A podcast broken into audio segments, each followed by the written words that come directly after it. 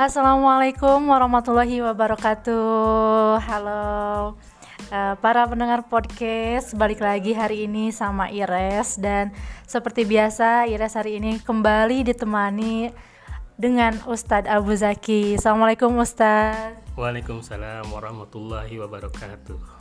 Gimana kabarnya Ustadz di tengah kondisi ya saat ini tiga hari minggu ketiga pasca kita diimbau untuk stay di rumah aja. Gimana Ustadz kabarnya sehat Ustadz? Alhamdulillah, alamin.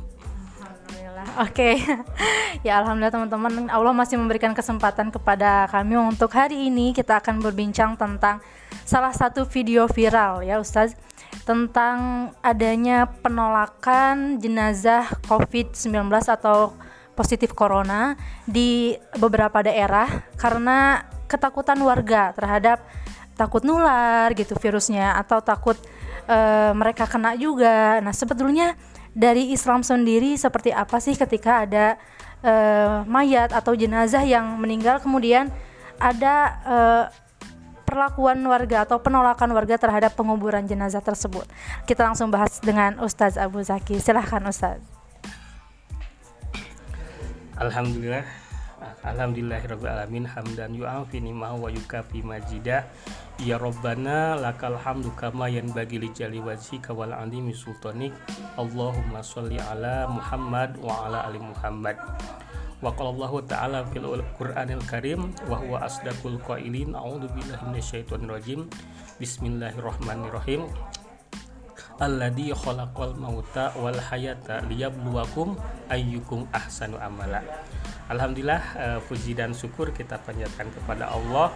Salawat dan salam semoga tercurah limpahkan kepada junjungan alam yakni Habibana wa Nabiana Nabi besar Muhammad Sallallahu Alaihi Wasallam.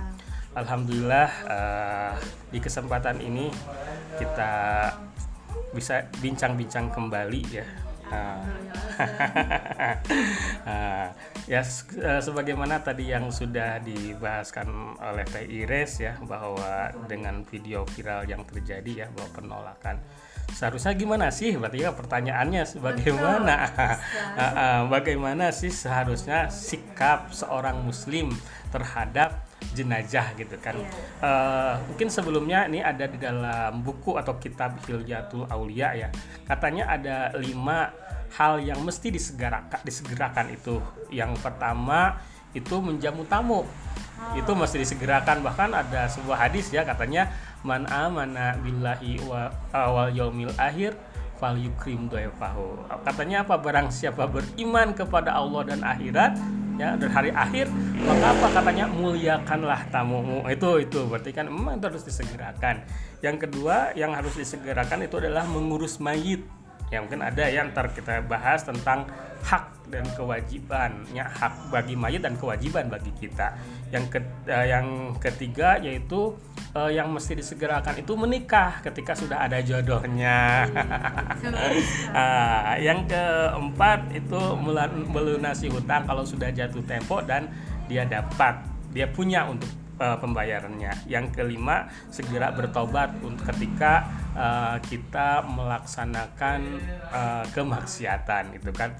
Nah, ini ya kita berbicara tentang kewajiban terhadap mayat. Berarti kalau kewajiban terhadap mayat itu menjadi hak bagi mayat. Jadi ada ya di dalam hukum Islam itu ada fardu ain, ada fardu kifayah gitu kan. Nah, kalau fard ini kalau untuk mengurus jenazah itu termasuk kepada uh, fardu kifayah. Berarti itu kewajiban kolektif dan mesti gitu kan harus uh, cukup kalau ada misalkan satu golongan yang mengurusnya maka uh, tidak berdosa yang lainnya uh, ada kewajiban ya kewajiban seorang muslim terhadap uh, mayat itu yang pertama memandikan. Yang kedua itu dikafani yang ketiga itu disolatkan dan keempat dikuburkan itu TRS itu ada empat itu kewajiban kita ya gitu kan yang masih uh, hidup, yang masih yang hidup terhadap meninggal. sudah yang sudah meninggal gitu kan uh, bagi, tadi pertanyaannya sesuai dengan apa dengan uh, video viral gitu kan yeah. sampai ada penolakan gitu kan nah oh. ini mungkin kita harus tahu ya berarti apalagi ini kan uh, di apa di dihadapkan ya sekarang itu bagaimana katanya tentang mayatnya mayat atau yang nah, Positif yang corona, positif positif corona gitu COVID-19 bagaimana gitu kan? Tetap seorang muslim itu ya harus memperlakukan eh, kepada sesamanya muslim itu seperti tuntunan Rasulullah yang sudah dicontohkan yang gitu sudah ya, dicontohkan ya. Kalau kemarin dibahas ya tentang itu ada katakan kan la yu'minu ahadukum hatta yuhibbali ahi kama yuhibbali nafsi. Katanya di- tidak dipandang seseorang itu beriman ya ketika dia apa tidak seorang itu dipandang beriman ya tidak disebut beriman kecuali dia mencintai saudaranya sebagaimana mencintai diri sendiri gitu. Tapi bukan bukan hanya eh, ketika hidup saja, setelah meninggal pun dia sama punya hak untuk dicintai oleh orang yang hidup gitu kan. Nah, itu gitu kan ya. Nah, itu.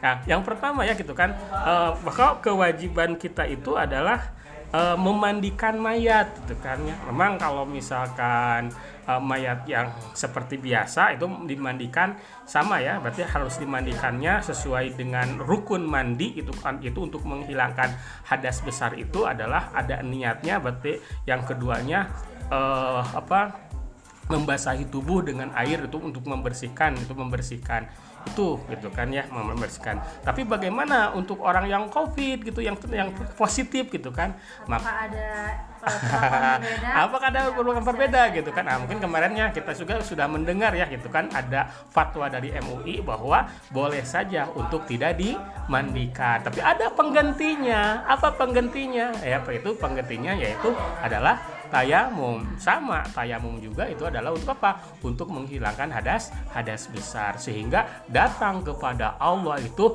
dalam keadaan suci dan gitu gitu kan. Yang kedua itu dikafani ya. Mungkin memang ada perbedaan ya untuk untuk dikafaninya orang yang kena Covid yang positif. Apa? Itu salah satu bahkan kemarin itu eh, kita lihat ya gitu kan ada apa sampai pakai plastik gitu kan sehingga tidak apa, penyebaran ya tidak terus sampai bahkan eh, khusus di kainnya juga kain yang khusus. Dan itu sampai disemprot disinfektan gitu adalah salah satu untuk apa? Ya itu untuk supaya eh, membunuh kuman-kumannya gitu kan. Apa membunuh apa virus-virusnya gitu kan. Sehingga harapannya apa tidak menyebar pada yang lain. Yang ketiga sama ya disolatkan gitu kan. Dan kita memang di apa disunahkan ya kita me- mensolatkan dan mendoakan. Salah satu ya doa yang diajarkan oleh Rasul yaitu apa? Allahumma gfir lahu warhamhu wa'afihi wa'fu anhu wa akrim nujulahu wa washi madkhalahu wa agsirhu bil ma'i wa salji wal barod. Nah, itu itu subhanallah ya. Itu jadi mendoakan ya, harapannya ketika mereka kembali dal- betul-betul dalam bukan hanya diampuni tapi dimaafkan dihapuskan seluruh dosa-dosanya itu ya yang disunahkan. Seterusnya ini dikuburkan ya. Ah, dikuburkan itu eh, apa eh, artinya ya harus me- mem- apa me- mengkubur itu berarti kan mengkubur mayat gitu kan di dalam tanah gitu kan itu dalam tanah gitu kan. Ah, dan itu memang di Islam tidak ada alternatif lain. Kalau tadi misalkan man- dimandikan bisa dengan tayamum gitu kan. Kalau di kafani sama ya mungkin di kafani di kafani juga gitu kan sama di kafani gitu kan. Disolatkan biasa. Tapi kalau yang keempat itu dikuburkan. Kalau dikuburkan tidak ada alternatif lain. Hanya Wah, satu-satunya. hanya satu-satunya. Dan itulah gitu kan. Walaupun ada ya mungkin dari saudara kita di agama yang lain yaitu dengan cara dibakar tapi Allah itu Allah itu membenci. Jadi Allah membenci gitu kan membenci gitu kan. Hanya hak Allah lah untuk membakar gitu. Maka itulah mungkin kalau dilihat itu yang terbaik gitu kan. Bahwa dibakar itu ah, dibakar maaf eh, dikubur itu adalah suatu hal yang terbaik. Sebab kenapa sebab hanya apa tanah lah yang lebih hak terhadap jasad manusia. Karena manusia itu kan diciptakan dari tanah. Ah maka kembali ke tanah itulah yang terbaik Yang gitu kan. yang cocok pas gitu. dan cocok. Tidak mungkin syariat itu gitu kan eh, bahwa syariat itu adalah jalan ya petunjuk dari Allah untuk manusia gitu kan. Mungkin segitu. Oke, penjelasannya sudah sangat lengkap sekali ya Ustadz, khususnya tentang hak apa yang harus didapatkan oleh jenazah oleh melalui kita yang masih hidup gitu ya. Nah, berarti kalau seperti itu sebaiknya seperti apa sih sikap warga itu uh, Ustadz ketika ada jenazah uh, positif uh, corona kemudian hendak dikuburkan apakah uh, perlu sampai penolakan dan lain sebagainya? Seperti apa Ustaz karena mungkin kalau Ira sendiri nih ya Ustaz sudah pernah uh, dapat info dari Ikatan Dokter Indonesia bahwa sejatinya uh, virus corona ini ketika dia menyerang kepada manusia yang masih hidup kemudian manusia tersebut meninggal maka virus tersebut ikut mati juga gitu Ustaz. Nah, secara syariatnya kita perlakunya seperti apa seharusnya kepada ya, jenazah yang hendak dikuburkan? Ya, bagaimana sikap kita? Sikap kita seharusnya yang membantu wa ta'awanu alal birri wa taqwa.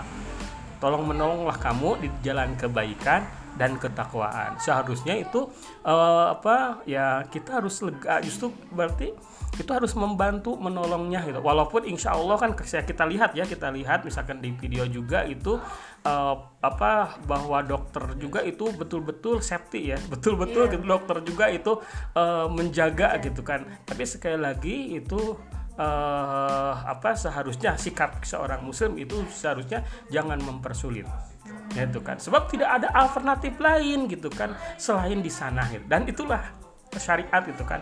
Ya syariatnya itu adalah bahwa orang yang meninggal seorang muslim meninggal itu harus di dikuburkan. Tadi saya lagi tadi kan yang pantas uh, tanahlah yang lebih berhak untuk jasad manusia. Dan itulah yang terbaik. Bahkan tadi kan sudah disebutkan uh, telah telah ya ya uh, Teh Iris sudah ngobrol dengan uh, tim kesehatan gitu. Justru katanya ketika jasad dimasukkan ke dalam liang lahat maka akan terbunuh juga virus-virusnya. Yang mudah-mudahan uh, mungkin menghimbau ya bapak, uh, bapak menghimbau uh, apa ketika ada yang positif maka terimalah insya Allah ya.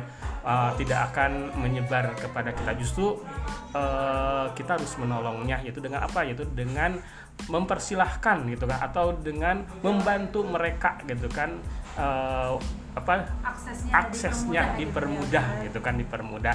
Jangan takut lah jangan terlalu takut dengan covid. Justru yang lebih harus lebih takut kepada Allah sebab tidak ada sesuatu yang akan terjadi kecuali illa ini kecuali dengan izinnya gitu kan. Ya ya justru yang perlu kita harus lebih banyak tuh berlindung kepada kepada Allah Masya Allah Alhamdulillah ternyata justru kita harus lebih mempermudah gitu ya teman-teman jika ada uh, situasi mungkin kita uh, sometimes gitu dihadapkan uh, ada pasien atau jenazah uh, positif corona yang harus dikuburkan kalau kita tidak bisa membantu langsung untuk menguburkan, minimal kita memberikan kemudahan kepada petugas yang hendak menguburkan.